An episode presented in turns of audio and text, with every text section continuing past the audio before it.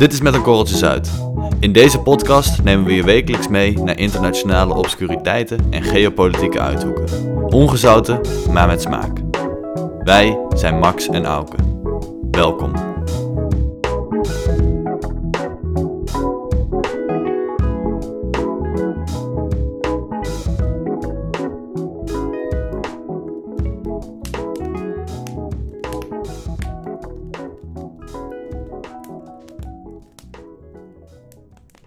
Zo Max, daar zitten we. De open haard staat aan. Jij hebt wat glühwein, ik heb wat chocomel. Mhm. We hebben pantoffeltjes aan. Oeh. We zitten hier lekker. Ja.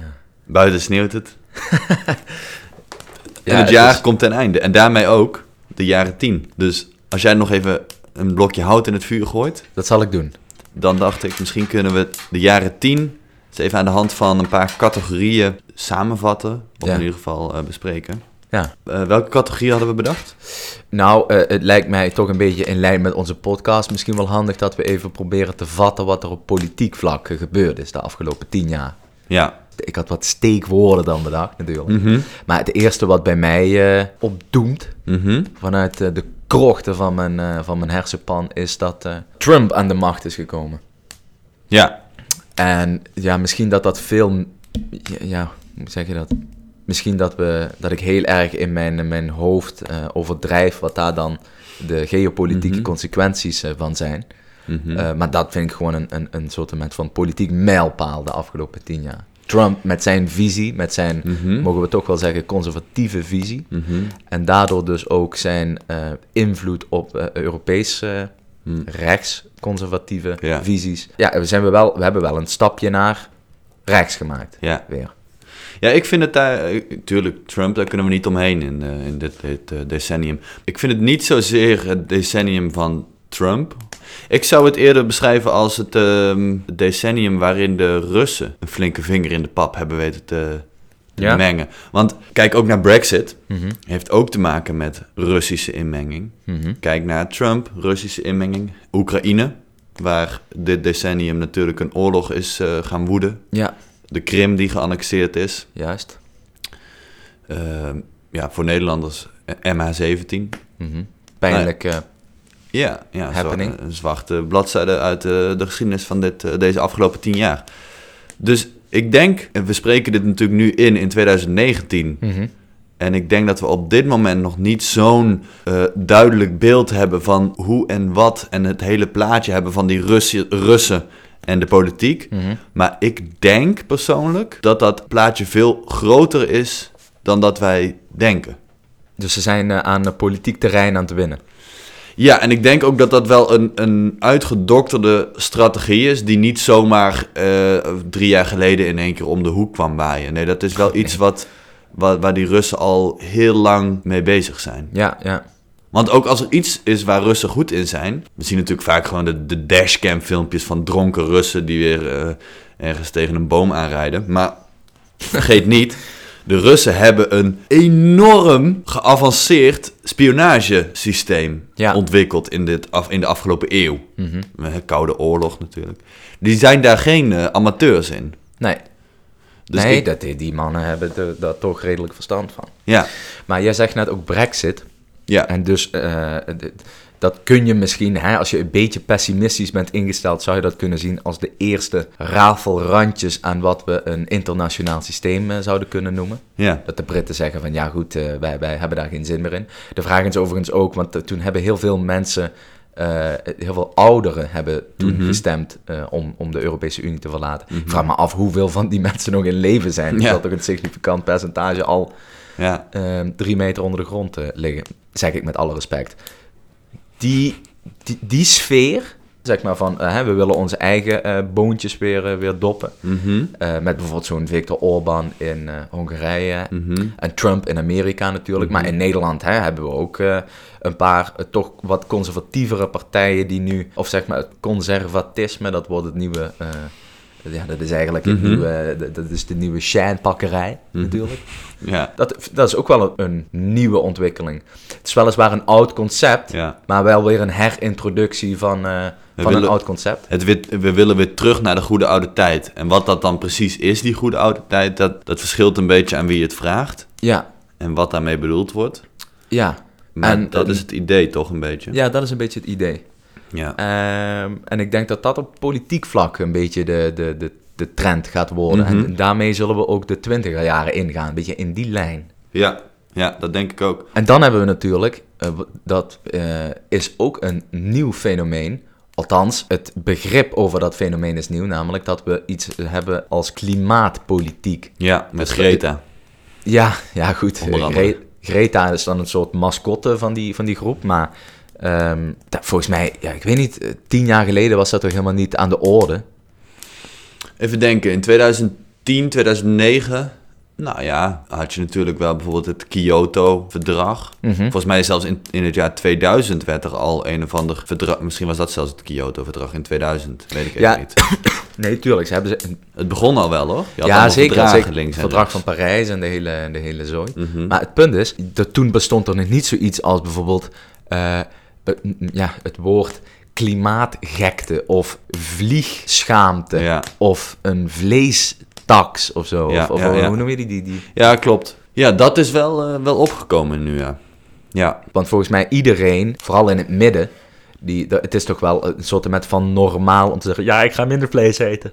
Mhm. Want, hè, en dat is slecht voor het eh, milieu. We zijn Mhm. tegen kerncentrales, over het algemeen. Alhoewel, dat begint nu ook weer eh, te draaien. heb ja, dat begint weer te draaien, hè?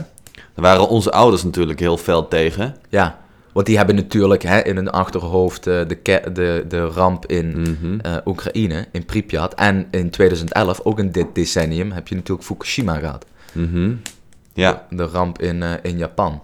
Waarbij met een Ja. zeebeving zo'n zo'n complete meltdown van zo'n kernreactor... met alle gevolgen van dien, die u overigens kunt zien op Google Maps...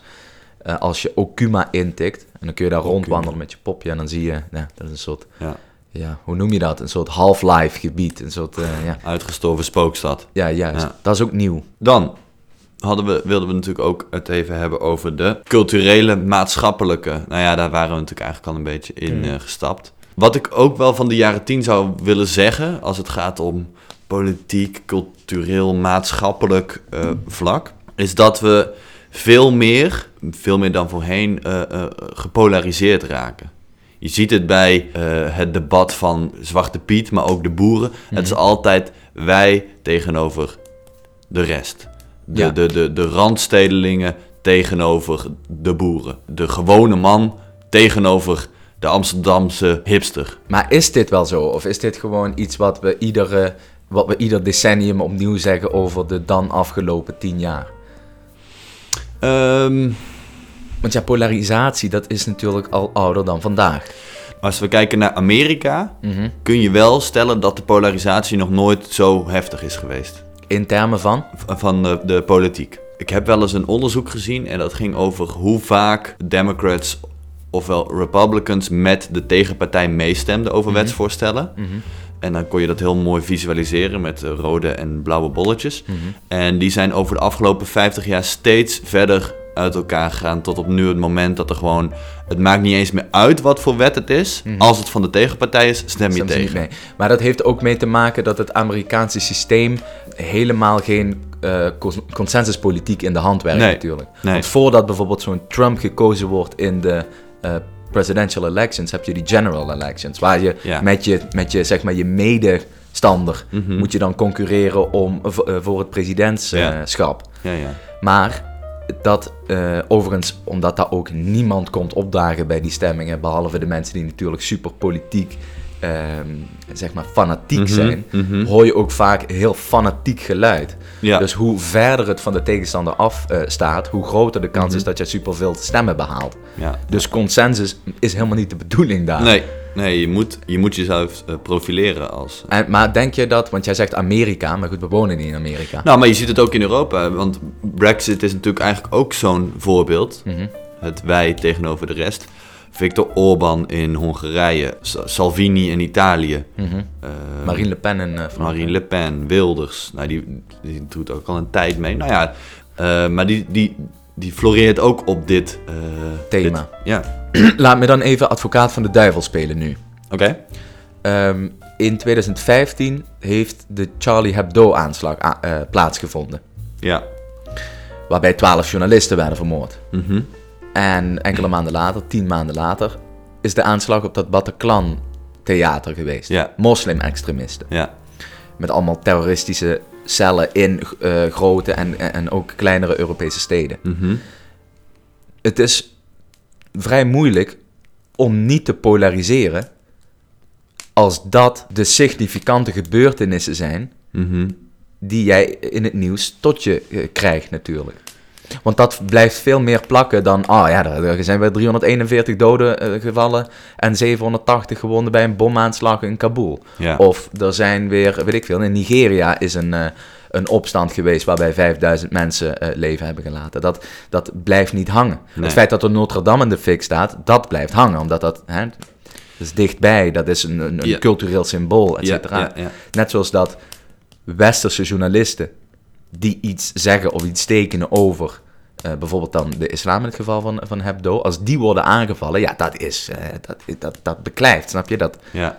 ja, werkt dat. Maar ik weet niet zo goed in hoeverre zo'n aanval polariserend werkt. Want ik denk dat we daar toch juist allemaal eh, op, in, die, in die novembermaand in, in 2015 was er juist weinig polarisatie. En waren we juist met z'n allen eensgezind en, en, en wilden we een vuist maken tegen extremisme en voor de vrijheid van meningsuiting, voor de vrije samenleving. Nou, dat waag ik te betwijfelen. Ik denk dat, eh, tuurlijk, iedereen die in beginsel al tegen extremisme, wel, maar wel voor, eh, laten we dan even zeggen, immigratie of zo Mhm. is, een beetje aan de linkerkant, Mhm. die zal die vuist hebben gemaakt, inderdaad, die jij nu beschrijft. Maar als je al een beetje aan de rechterflank zit Mhm. en je hebt een probleem met eh, een instroom van eh, islamieten in Europa en een soort bepaalde culturele verandering en whatever. Ik heb het woord cultuurmarxisme al een keer gehoord. Dan zul je eerder neigen naar. Ik zei het toch? Ik zei het toch? Ja. Ik, heb het al, ik zag het al aankomen in 2001. Zag ik het, zag ik het al gebeuren. Ja, Wat ik dus eigenlijk wil zeggen is, laat zo'n aanslag bijvoorbeeld, en dan vooral heb ik het over de kritiek en de media-aandacht en weet ik veel, de Twitter-wars die daarna beginnen, maken die niet gewoon de tweedeling duidelijk, duidelijker. Dat bedoel ik met polariseren. Ah, je zegt die polarisatie die was er al. Juist, maar, maar, die, die- wordt. Iedereen neemt zijn stelling weer in. Hè? Het is een beetje Ja, zoals ja. eh, iedereen groepeert zich weer. Hè? Mhm. En dan wordt duidelijk wie waar staat. Ja, misschien wel. Maar ik heb het idee dat eh, het debat tegenwoordig vaker wordt gevoerd op beeldvorming dan op argumenten. Maar dat is al eeuwen oud. Denk je? Nou ja, je hebt toch de, de, de, de, de alombekende retorica. Ja, Dat ja. de manier waarop je iets vertelt veel belangrijker is dan wat je nou eigenlijk Ja. vertelt.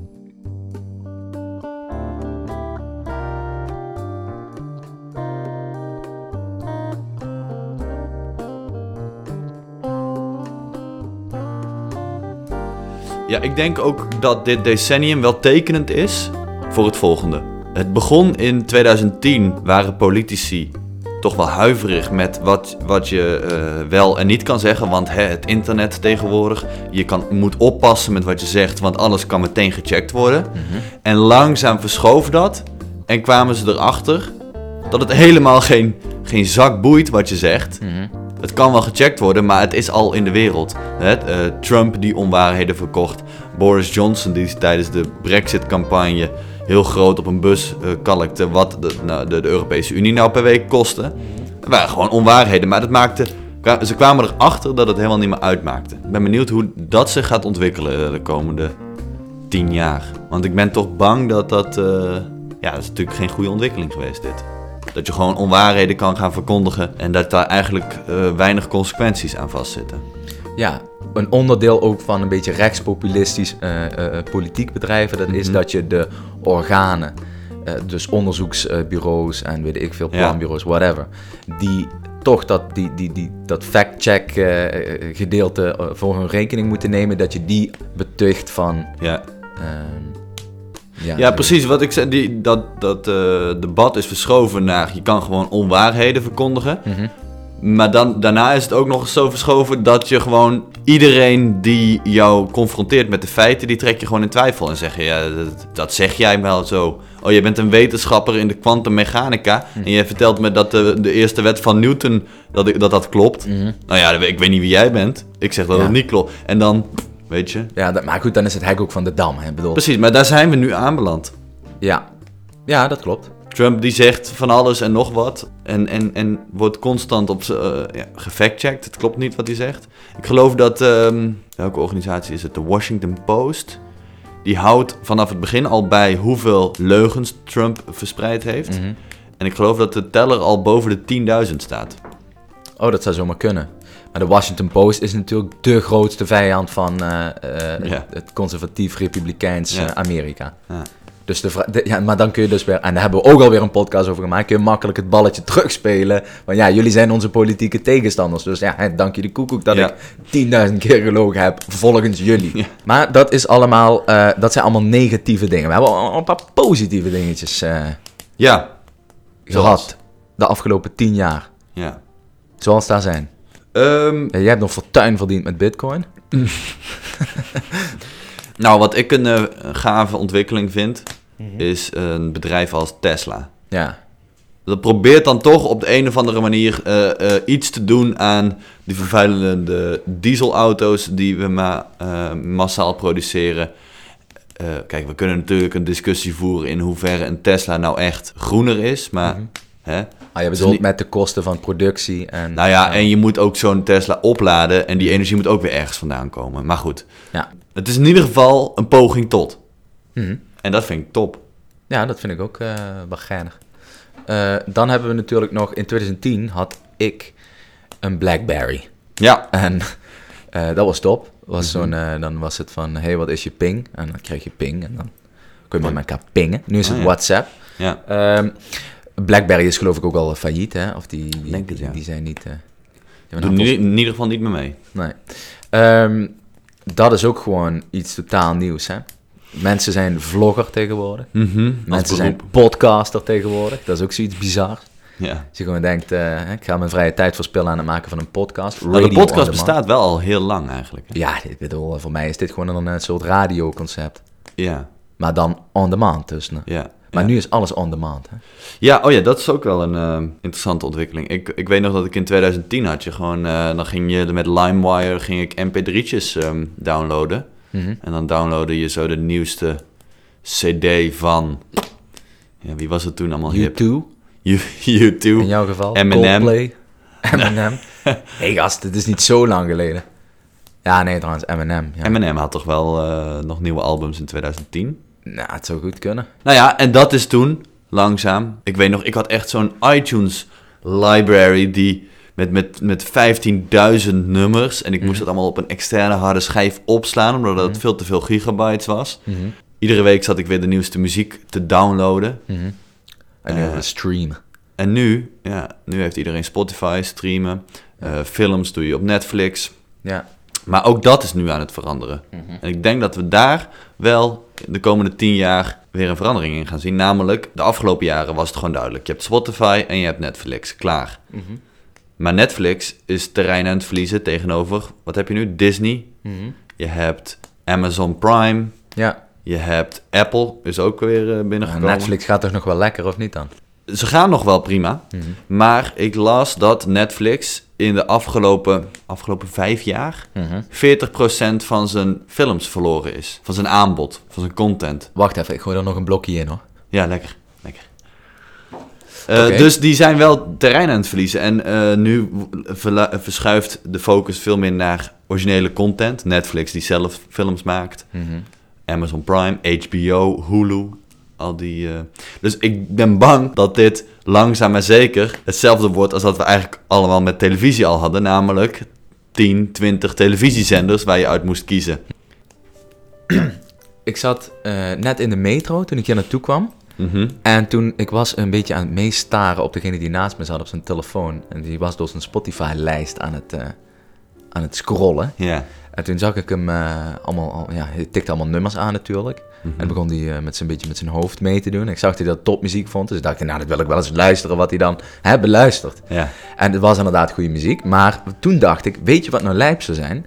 Als ze iets ontwikkelen waarbij je dus, eh, zeg maar, met een soort, ja, nou ja, weet ik veel, Bluetooth of een soort online eh, zone. Waar je dan Mhm. bijvoorbeeld, je zit in een metro-stel En in dat metrostel hangt dan een zone. Iedereen die naar binnen wandelt en zijn Spotify-app opent, die zit in die zone. Waardoor je dus kunt horen wat andere mensen aan het luisteren zijn. Mochten ze daarvoor openstaan. Ja, ja, ja. Snap je wat ik bedoel? Dan kun je dus, stel iemand draait hè, echt dikke pokoes, dat je niet zegt, ja, dat is hard man. Ja, ja, ja. Oh, dat zou wel leuk Dat lijkt me top. Ja.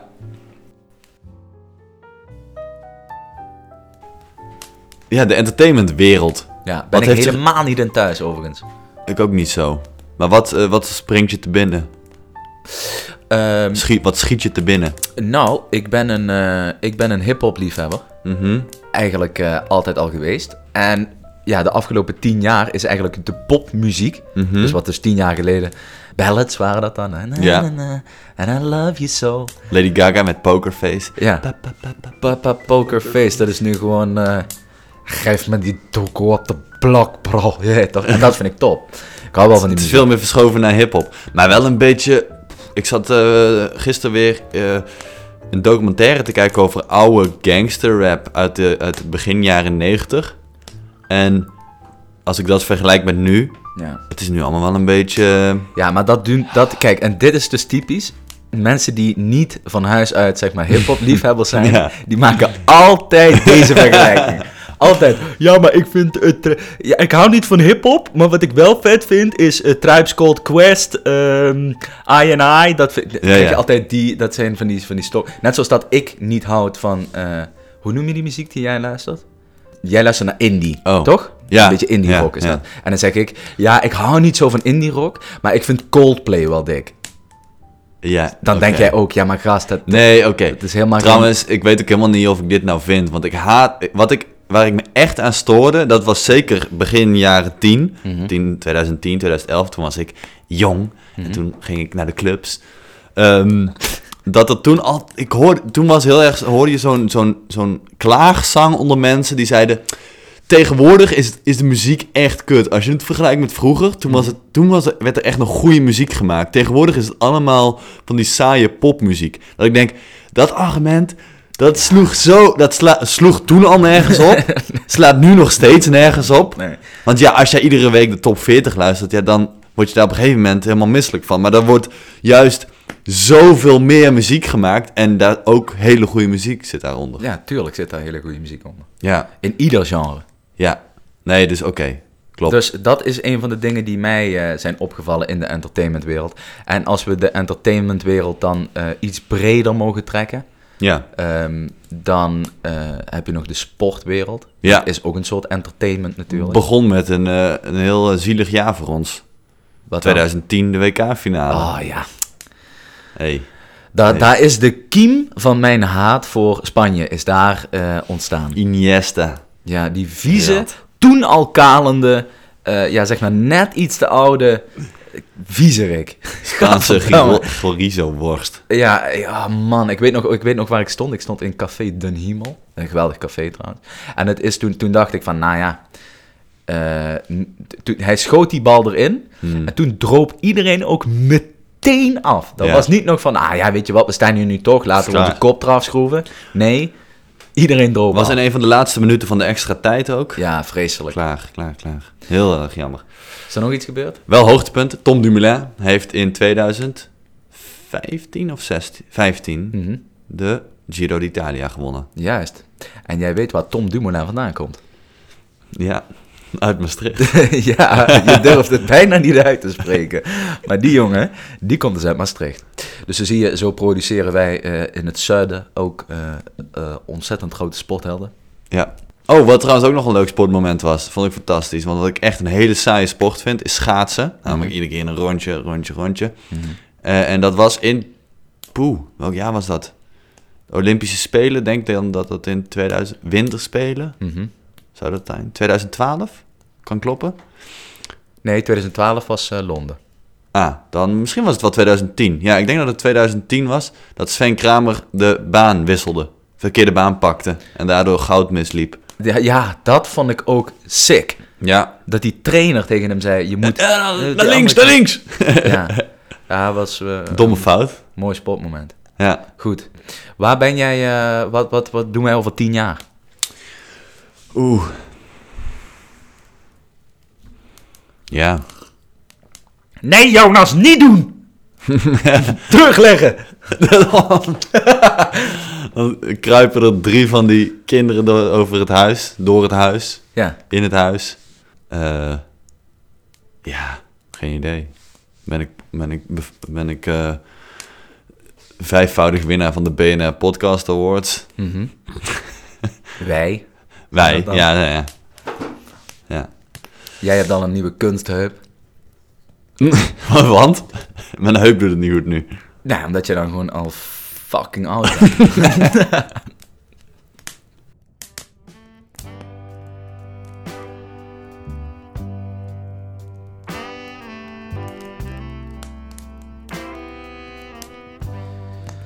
Dames en heren, jongens en meisjes.